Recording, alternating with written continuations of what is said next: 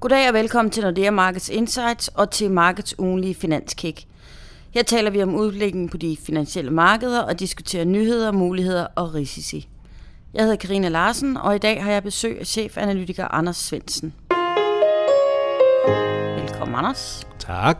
Vi skal ud i den store verden i dag, igen i dag. Lad os starte med et hurtigt tilbageblik i ugen, der er gået. Vi har fået en del nøgletal for USA i den forgangne uge. Blandt andet de to største amerikanske nøgletal, ISM og arbejdsmarkedsrapporten, som netop er tækket ind. Hvordan ser det ud? Var der nogle overraskelser? Det må man sige. Især i går i den her ISM-rapport for fremstillingssektoren, der var en øh, ordentlig overraskelse. Et, øh, et stort fald i forhold til, til måneden før, og et fald, som gør, at den her ISM-indikator, den faldt under 50, og 50 det er den her magiske grænse, hvor at det i virkeligheden øh, afhænger, eller hvor det i virkeligheden siger noget om, om industrien netto er i gang med at øge produktionen, eller netto er i gang med at, at sænke eller reducere produktionen. Og der faldt det altså under, og det kunne tyde lidt på, at øh, industrien igen måske er ved at komme sådan lidt mere ned i, øh, i et, et lavere tempo, eller måske endda, at produktionen i øh, industrien er, er faldende i USA. Okay.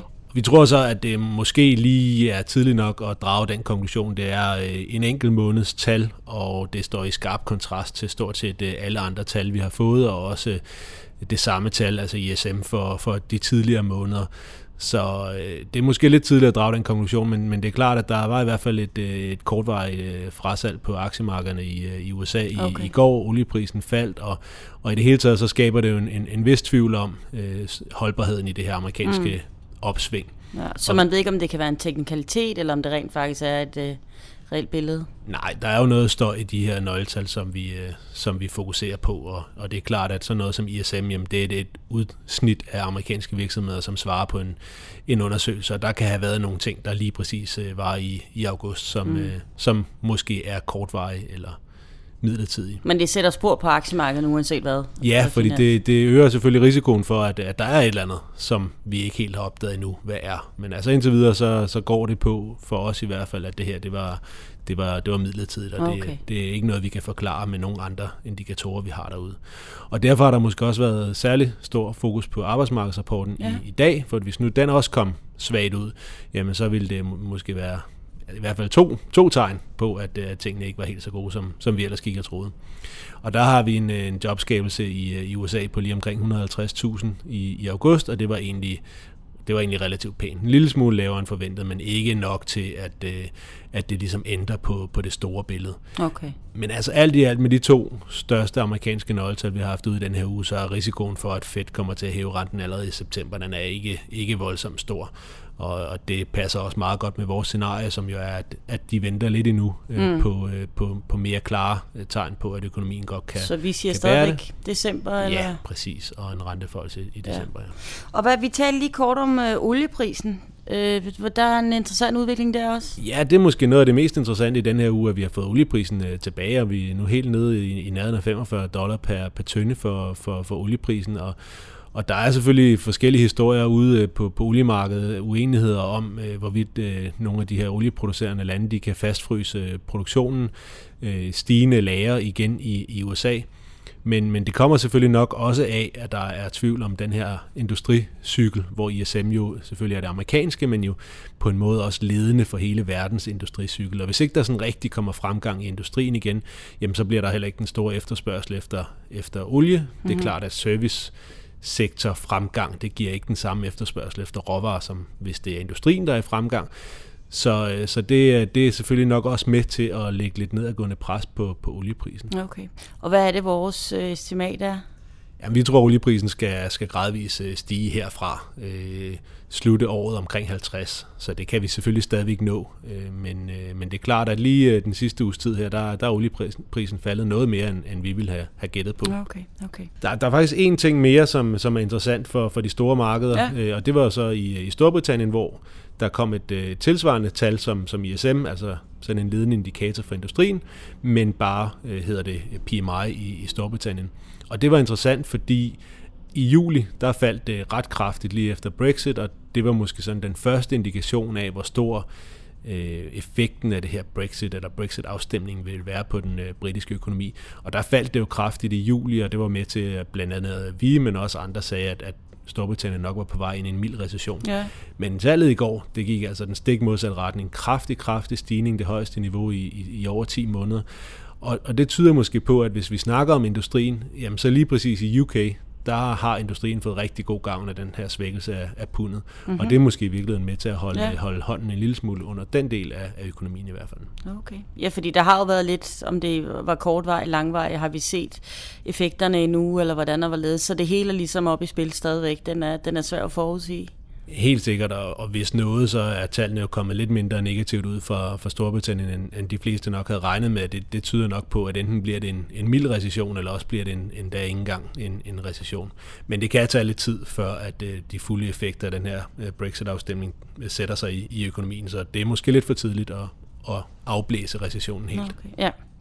Og så til noget helt andet. Som vores emerging markets expert, så tænkte jeg, at du ikke har noget mod, at vi lige svinger forbi Brasilien. Brasiliens præsident Rousseff, hun blev afsat, og det har givet en del opsvandelse i Brasiliens store byer blandt andet.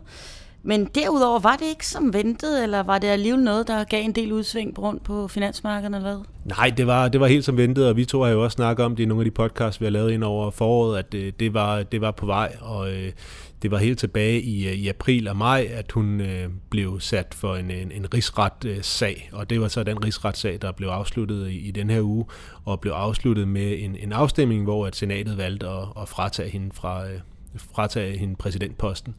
Og øh, selvfølgelig var det som ventet, og det har ikke givet nogen øh, store effekter på, øh, på, på aktiemarkedet eller på, på den brasilianske real. Men jeg synes stadigvæk, det er, det er voldsomt interessant. Og i hvert fald i starten, da vi snakkede om det, der, der var min holdning lidt, at en ny præsident ville ikke kunne ændre alverden mm. for Brasilien, fordi kongressen øh, skal selvfølgelig også være med til at godkende de, øh, de forslag, man nu engang øh, kommer med, og den kongres er imod den nye præsident. Men indtil videre må vi bare sige, at stemningen er vendt i Brasilien fuldstændig. Så fra at, at alt har set, set negativt ud, og økonomien har været inde i en, en ond spiral, hvor den ene øh, ting har forstærket øh, den, den anden, jamen så ser det ud som om, at, øh, at med en ny præsident, så, så er det virkelig øh, vendt rundt. Det er klart, at de har selvfølgelig i samme periode så fået hjælp af, at råvarepriserne er begyndt at stige øh, igen, og, og det er klart, at det er selvfølgelig også med til at trække dem, øh, trække dem lidt ud af, af, ja, for sådan en hurtig virkning kan det vel ikke have? Nej, altså, det, det har det ikke, men, men det er klart, at der er, der er selvfølgelig noget, noget tillid i ja. det, og, og det er måske også lidt svært at forstå, hvorfor tilliden både hos øh, virksomhederne og forbrugerne faldt så kraftigt, som, som den gjorde i den sidste del af, af Rousseffs periode. Og råvarepriserne var nok ikke det eneste, men de her gentagende politiske skandaler har ja. nok været en medvirkende faktor, og dermed også trukket økonomien ned. Mm. Og den øh, effekt kan selvfølgelig godt blive, blive vendt rundt. Så du er optimistisk? eller? Mindre pessimistisk i hvert fald. Ja, okay. ja. Super. Hvis vi kigger fremad i ugen, der kommer, så står den øh, blandt andet på rentemødet i ECB, og vi får også i Rigsbanken. Ser du nogle afgørende udmeldinger eller handlinger herfra? Vi tror ikke, der kommer renteændringer hverken i ECB eller, eller i Rigsbanken. Men øh, for, for begges vedkommende, så, så står de nok stadigvæk og, og vakler en lille smule mod, om der skal komme øh, flere lempelser. Og derfor så bliver der lyttet rigtig, rigtig godt til, hvad de, øh, hvad de kommer til at sige, henholdsvis øh, Draghi og, og Ingves. Og hvis vi tager, tager ECB først, jamen, så har vi jo fået en inflationstal ud, som, som var lidt lavere end forventet, og meget tæt på nul stadigvæk. Og det understreger selvfølgelig endnu en gang øh, ECB's pointe om, at inflationen er for lav, mm. og de bliver nødt til at gøre, hvad der nu skal til, for at sikre, at, uh, at i hvert fald inflationsforventningerne forbliver uh, forankret omkring det her inflationsmål på, på 2%. Men altså derudover så... Um, så er det store, den store hurdle for ECB er jo, at de har det her opkøbsprogram, hvor de køber værdipapirer for 80 milliarder euro om, om måneden. Mm. Og der er nogle regler for, hvad de må købe, og i særdeleshed, øh, så må de ikke købe papirer, der har for meget negativ rente. Og det er jo et problem, fordi stort set alle de tyske statsobligationer ja. ud til, til næsten ud til, til 10-årspunktet, de har, handler på negativ rente. Jamen så, så vil de løbe tør for obligationer, som de kan, de kan købe, især tyske statsobligationer, som de må købe under de regler, der er nu. Så vi tror, der kommer en eller anden ændring øh, fra ECB, vi tror så, at den kommer i, i december, men der er en risiko for, at det kan komme allerede her øh, på, på mødet i næste uge. Men når du siger ændring, hvad tænker vi så? Jamen en, en ændring, som gør, at de kan øh, købe op længere. Okay. Øh, indtil videre har de sagt, at de vil, de vil lave det her QE-program indtil marts næste år. Men når man regner på det, så kan de næsten ikke engang fortsætte til, til marts, og hvis de kan fortsætte til marts, så er det i hvert fald det længste under de nuværende øh, tekniske betingelser, hvis man kan kalde det mm-hmm. det. Mhm. Så derfor så skal der komme noget.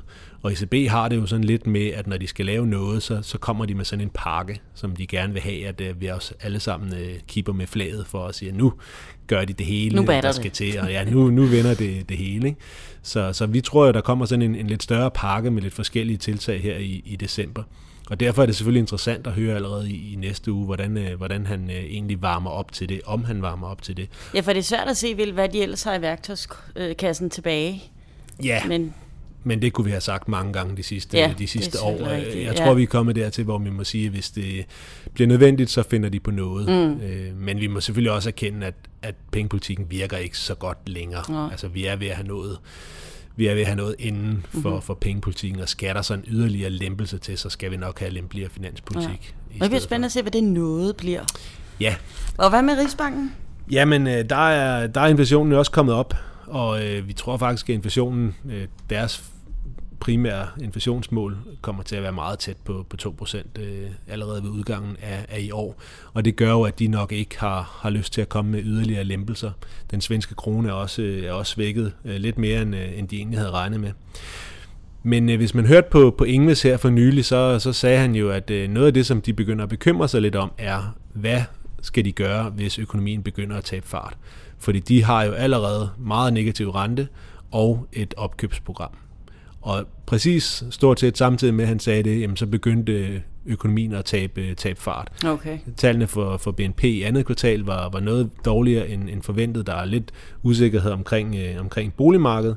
Og, og det gør selvfølgelig, at der er rigtig meget fokus på, hvad kunne han finde på at, at komme med af, af hentydninger her i næste uge om, hvis der skal komme mere, hvad bliver det så? Skal mm. vi have endnu mere negative renter? Kan de lave endnu større opkøbsprogram, eller har de noget helt andet? I, i tankerne, hvis, øh, hvis ellers at, øh, at væksten begynder at, at løje af. Så han skal vælge sin ord med omhu? Det må man sige. Ja. Det skal både Draghi og, og Ingves. Ja.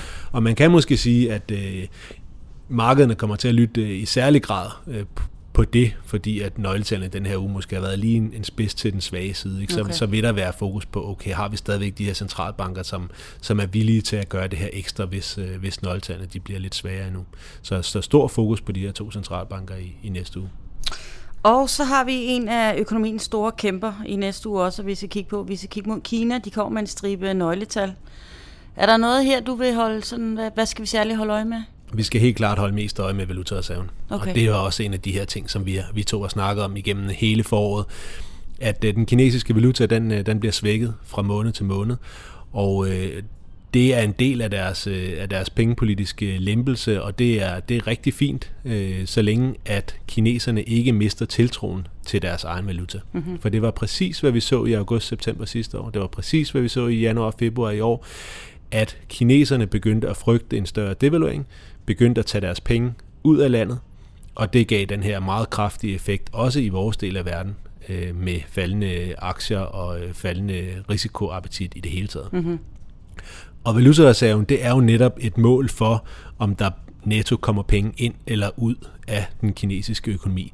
Så det vi skal holde øje med, det er om øh, valutareserven den falder øh, nævneværdigt i, øh, i næste uge, eller det er så tallene for, for sidste måned, men, men om tallene i næste uge viser, at, at øh, valutareserven er, er faldet. Den vil nok falde en lille smule på grund af, af en teknikalitet. Altså valutareserve er målt i, i dollar, og dollaren den er jo blevet styrket i den sidste måneds tid, så de for eksempel tyske statsobligationer, som den kinesiske centralbank måtte ligge med i deres reserve, de er blevet mindre værd målt i dollar. Så valutareserven skal nok falde en lille smule. Men renser man de her øh, effekter af øh, valuta ud, så skal vi helst ikke se nogen særlig stor øh, noget særligt stort fald i valutareserven, fordi mm. så kommer det til at, at kunne mærkes i vores del af verden også. Ja, fordi hvis vi nu siger, hvis vi leger med, at vi kommer til at se et større fald forventet, så vil det med det samme give en effekt på aktiemarkedet, så de falde, eller hvad? Ja, Globalt. Så, så, ja præcis. Ja. Så vil der endnu en gang være den her... Øh, bekymring for, om den kinesiske økonomi er, er på vej øh, ned i gear, om øh, kineserne har, har lugtet et eller andet, som vi andre ikke helt har set endnu, og det er mm. derfor, de begynder at flytte, flytte deres penge ud. Og så vil det jo også øh, helt faktuelt betyde, at hvis, hvis den kinesiske centralbank øh, valutareserve falder, så er det jo fordi, de har brugt af, af den valuta øh, reserve. Øh, og det vil jo sige, at de, øh, de for eksempel har solgt nogle amerikanske statsobligationer, så det vil have haft en direkte effekt også på vores del af, mark- okay. af, af markederne, mm-hmm. eller vores del af verden. Det hænger sammen det hele. Det gør det nemlig. Det bliver spændende. Mange tak skal du have, Anders. Men også sidst, men ikke mindst, må vi jo lige nævne os, at vi kommer med et frisk Nordea Economic Outlook på tirsdag den 6. september. Og der bringer vi selvfølgelig også en frisk podcast med Helle Petersen, som ser på Economic Outlook, og vi diskuterer udviklingen i den danske økonomi. Og hvis du vil mere om, hvad der ellers rører sig på de finansielle markeder, så kan du finde vores research og analyser på nexusnordea.com. Her kan du også melde dig til vores Economic Outlook seminar og præsentationer på tirsdag. I mellemtiden kan du som altid finde vores podcast på Nordea Markets.com Insights, og husk, du kan abonnere på vores podcast, så du får dem så snart de udkommer. Og så kan du som altid også besøge os på LinkedIn og følge vores analytikere som Anders på iTunes og Twitter. Tak for denne gang, og på genhør i næste uge.